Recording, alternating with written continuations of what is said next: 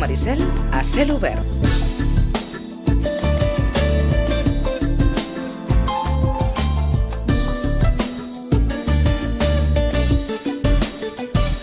Ara mateix les 9 i 13 minuts del matí, com els eh, dèiem, demà, a partir de dos quarts de vuit del vespre, es presenta als Jardins del Casino Prado el llibre sobre el centenari del drac de Sitges. En parlem amb un dels seus autors, amb en Sebastià Jiménez. Bé, Sebas, eh, bon dia. Bon dia. Mm, no sé si dir per fi un llibre del drac. Doncs bé, per fi sí. Tot i que hi ha altres treballs també publicats sobre el drac, però un llibre així d'aquesta, diguem-ne, volada i d'aquesta alçada, doncs encara no s'havia fet res. I crec que ja, ja tocava. I l'excusa del centenari, doncs és perfecte, esclar. Mm, Hem arribat ja a aquests 100 anys del, del drac, eh, Sebas, eh, i bé, el, el drac continua conservant aquell encant, aquella admiració, aquell tot, suposo, no? Ja no només pels sitgetans, sinó pels, pels foranis, m'atreviria a dir. Sí, sí, és evident. Per nosaltres, els sitgetans, el drac és una peça essencial del nostre patrimoni folclòric de la Festa Major i jo crec que la gent que ha anat arribant a Sitges, a viure a Sitges, al anar incorporant-se i veient les nostres tradicions, doncs bé, jo vaig sentir l'altre dia l'entrevista que li feies amb el Pep i l'Àlex Mm. i clar, que els preguntaves el què, i clar que és una peça de- d'art, és una peça d'art, és una peça de museu. La gent al·lucina, flipen, quan veuen aquesta bèstia, perquè li has de dir bèstia, perquè és una mole, tu veus dracs d'altres pobles i tot el carinyo doncs són... Hi ha dracs de la matèria infantil que són més grans, són més macos i tot, m'entens? Clar, evidentment cadascú tira per lo seu i cadascú com al seu poble no hi ha res. Però és cert que jo, a mi m'ha dit gent que ha vingut a viure aquí que al·lucinen, que és una passada. És, és a més, el veus gran i un nen petit, clar, has de pensar, recorda quan nosaltres érem petits, que el veiem clar, multiplicat per 10, perquè era molt més gran. Perquè un nen petit tenia les coses més grans. I és clar, fa, fa impressió. I és el que dèieu l'altre dia. Apagat és molt bonic, però clar, encès a la nit és espectacular. El problema és que no tothom s'acosta, com és evident, evidentment. Eh, tu creus, Sebas, que ens hem acabat acostumant al, al drac actual? Dic perquè eh, probablement, eh, si parlem, per exemple, de la nostra generació, de, que passem ja dels 50, doncs eh, vàrem veure durant molts, molts anys el drac verd. I, i, I fins i tot es va arribar a establir aquell, aquell cert debat, no? Ostres, m'agrada més el drac verd que no pas aquest drac de colors, diguem-ho així també. Mira, a nosaltres, per nosaltres el drac sempre ha estat verd. El que sí és cert que des del 2011 el veiem blau i diem, diem que la nostra pupila, la nostra retina, s'ha acostumat a, a veure aquest color blau, no? Mm. Ara estem acostumats. Ara potser se'ns faria estrany que aparegués el 23 d'agost les dues de color verd. Se'ns faria estrany, la veritat. Però per nosaltres, almenys per mi, crec que tu i nosaltres tots pensem igual, el drac verd és un, un drac que portem sempre a la memòria guardat, no? Tenim guardat a la memòria i això no ens ho treu ningú. Això no ens ho treu mai ningú. I més jo que vaig portar el verd, no? Llavors, el blau és espectacular, és com tindria de ser. Jo sempre, i més per la feina que faig, doncs defenso que una obra d'art, perquè el drac, repeteixo, és una obra d'art, ha de ser el més fidedigne possible al seu original, el que passa, clar, portava 50 i pico d'anys de color verd, i clar, nosaltres tota la vida verd, i quan es va fer el color que es va fer, interiorment, sentimentalment, podia ser un delta baix. Evidentment, és clar que sí, però ens anem acostumant i ara, clar, és, és brutal, és absolutament brutal. Mm -hmm. Eh, Sebas, tu creus que el drac a dia d'avui és el que mm, més s'assembla a aquell drac eh, que va arribar, com diu la tradició, per mar un 22 d'agost del 1922? Mira, el... és el més possible fidelment a, fidel a la realitat. Per què? Doncs perquè quan es va fer el canvi es van buscar imatges antigues. Què passa? Que el 1922 mm, sí que existia la fotografia en color de la Kodak, però clar, pels fotògrafs del National Geographic, eh, si m'entens, no? Sí, sí, sí. Per un poble això no existia. I doncs clar, com treure el color? Hi ha uns, alguns olis, alguns quadres d'en Ferrer Pino, en cases particulars de Sitges, que sí que, que veus el drac pintat amb, un- de fons amb un raconet el que passa. Però el que passa, i no fer un spoiler del llibre ni molt menys, però el que passa és que mm, el Ferrer Pino cada any l'anava retocant i anava fent alguna variació. I no és el mateix el 1922 que va posar l'exemple el 1930, Mhm. per dir alguna cosa. O sigui, ja anava, ja anava fent variacions, perquè ha una cosa hiper supermoderna. Era una cosa que, que molt xocant per aquell moment, no? I llavors, esclar, ell anava retocant, al segon toc anava canviant, anava variant una mica. Però és el més fidedigne possible, al com a mínim a les formes, les grafies, els dissenys, els dibuixos que havia. El que pocs sabem, Sebas, o saben, és que el, el drac eh, el van pintar de, de, de molts colors, és a dir, que ha anat variant bastant de, de, de, de colors.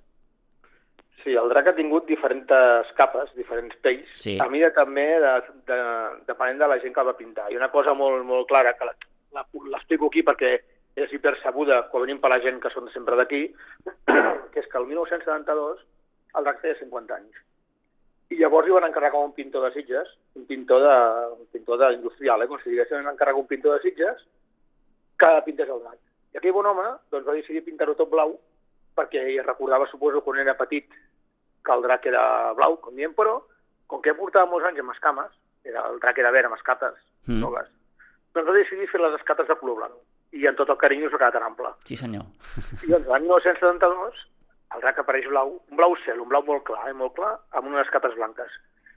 Clar, per la gent d'aquella època, més gent jove, doncs això no, no, va ser un impacte que no va ser gaire, gaire afortunat. No va agradar. Mm, ara, ja, nosaltres érem, érem molt petits, Mm. molt petits, tu i jo érem molt petits, tant. però, però bé, el cas és que la prova, si va agradar o no va agradar, és que l'any següent ràpidament torna a aparèixer a veure amb escates grogues.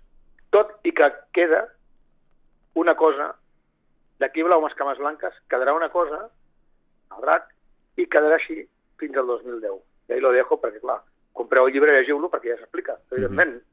Eh, Val? un- llibre que, en el que, òbviament, entendrem mm, doncs, la història de, de, de, la, de la nostra Fera Foguera d'aquests 100 anys, un llibre en què en el que la Beli, la Beli Artigas, hi ha posat més eh, l'apunt artístic, en, en, en Sebastià doncs, el vessant més històric i, i en Pep Pasqual, doncs, eh, el restaurador Pep Pasqual, eh, doncs que explica, si no tinc mal entès, eh, Sebas, eh, una miqueta com va anar aquest procés de, de, de restauració tan, tan profund que, que, que es va fer al, al DRAC el, el 2011. Sí, correcte. El llibre està dividit en tres, està dividit en tres apartats. Mm, L'apartat de la Beli seria l'apartat de, que glosa més la figura del Harpino. sí, L'apartat artístic eh, eh, t'explica el perquè d'aquests colors, el, de fet, conseix a l'època simbolista d'ell, i t'explica el perquè de pintar d'aquests colors així, aquests blaus, cobalt, co- cobalto, com si diguéssim, dic en castellà, eh? cobalto, aquests colors així. mm, Hi ha diferents exemples que es poden lligar, això ja ho, ja ho llegireu. La meva part és la vessant pura i durament històrica, que en teoria, repeteixo, en teoria, arranca, com és lògic, el 1922. Però, és clar, abans del 1922 passen altres coses. Per tant, s'ha d'explicar ben explicat, no? I la meva part, doncs, acaba, evidentment, el 2010, un canvi d'etapa, un final d'etapa, que és la Santateca del 2010 és quan el drac surt per última vegada verd amb les escates, i això pràcticament ningú, ningú pensava que seria l'últim moment. Llavors, a partir d'aquí, el tercer text és el text d'en Pep, i que arranca precisament amb aquest canvi de paradigma, amb aquesta restauració del 2011, com es decideix que més colors, d'acord a la comissió, regidoria de festes, etc es decideix aquest canvi i anar a buscar els originals del 1922. Són les tres parts en les quals està dividit el llibre i, evidentment, amb multitud de fotografies, moltes que, evidentment, són vistes, i bastantes, per no dir moltes, que no són vistes. mm -hmm. eh, per tant, mm, veurem força document inèdit en aquest sentit. Sí, hi ha molta fotografia, bastant neta, s'ha buscat, s'ha rebuscat.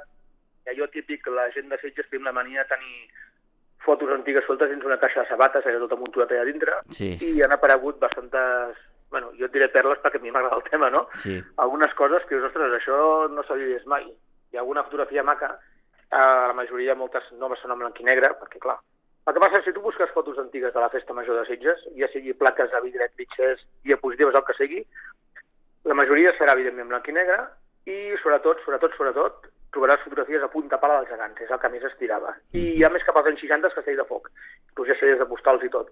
El que passa que bé, ens hem trobat amb sorpreses com un lot de diapositives a la venda al Todo Colección, una web de col·leccionisme, que ràpid, ràpid van, a, van córrer a buscar-ho, no? perquè, bueno, ja ho veureu perquè és un drac espectacular. Eh, tu personalment ets un, un, un entusiasta del, del, del drac, eh, has estat timbalent, has estat portant, i ara podem dir-ho així, ets, ets un, un estudiós de la bèstia. Eh, any especial aquest, mm, Sebas, per, per, per vosaltres, no per la gent del drac.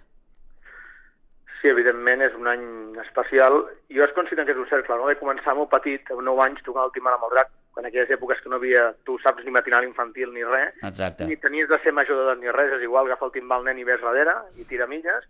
Després vaig tenir una sort, per mi l'honor de poder portar el drac, i ara és com si tanqués el cercle mm, ajudant a col·laborar a, amb la colla actual amb, aquest, amb aquesta petita dosi amb el llibre, no? I doncs, clar, per la gent... Si per, no és que sigui... És especial per la gent del drac que hi ha anat o que hi va, evidentment, però considero que és una cosa que és especial per tots Sitges. No, l'altre dia ho parlàvem, jo crec que hi ha molts pocs llocs que puguin dir que, ostres, aquest any el drac del nostre poble fa 100 anys. Poquíssims, poquíssims. De fet, el que parlava l'altre dia amb el Pepe i amb l'Àlex, que si fes una trobada de dracs l'any que ve, doncs vindrà, vindrà bèsties mítiques, perquè poques n'hi ha. Es poden, pots comptar els dits de les, les dues mans uh Mhm. -huh. i et sobren dits de dracs de més de 100 anys. Pocs, pocs n'hi ha. Per cert, una curiositat seva, sí, gairebé per anar acabant. Quantes fotos tens tu del drac? Ara m'has enganxat amb Fagati. No ho sé, no ho sé, perquè jo ja saps que col·lecciono... La meva idea és col·leccionar postals, fotos, plaques de vidre, que sé el que trobo por ahí, no? Mm. I en tinc, en tinc unes quantes, unes, unes quantes, però del drac potser en puc tenir, no ho sé, t'ho dic a ull, eh? Potser puc tenir, no sé, 700, 800, no ho sé. Perquè de la festa major en tinc moltes. Però clar, és que és tot en general, no ho tinc per carpetes, és un xou. Mm -hmm. Però vull, tinc amb àlbums, amb àlbums físics, tinc àlbum que és Festa Major, un que és Corpus, un que és Carrers, un que és Cap de la Vila, un que és Bajamar, ho tinc així posat. I tot digitalitzat a l'ordinador. Però sí, en tinc bastantes, potser 700, no ho sé, però clar, i en que quedi clar que, que la, de la meva part sí que hi ha coses al llibre, evidentment, però he anat a buscar coses que sigui de gent que no ha sortit mai, que no s'han vist, que la gent també li fa gràcia que surti una imatge seva al llibre perquè pot ser que surti un avi, un besavi o algú, saps? Vull dir, clar, Uh -huh. Una cosa que també té gràcia, evidentment. No, no, clar, clar, són, són 100 anys, 100 anys d'història, eh, ja no només del drac, sinó diria d'un poble com, com, com, com Sitges. Bé, hem volgut fer aquesta, aquesta mena de prèvia de cara al que serà eh, demà, com saben, la presentació d'aquest llibre sobre el centenari del drac de la nostra Fera Foguera, a partir de dos quarts de vuit del vespre, als jardins del Casino Prado, on hem fet prèvia en companyia d'en Sebastià Jiménez, a qui agraïm especialment que ens hagi pogut dedicar en aquests minuts. Sebas, moltíssimes gràcies. Vosaltres faltaria més, per això estem. Que vagi molt bé la presentació i bé, felicitats per la part que, que us toca. Doncs bé, moltes gràcies i com diríem en la frase tècnica, foc a la bèstia. Foc a la bèstia. Gràcies, Sebas. De res.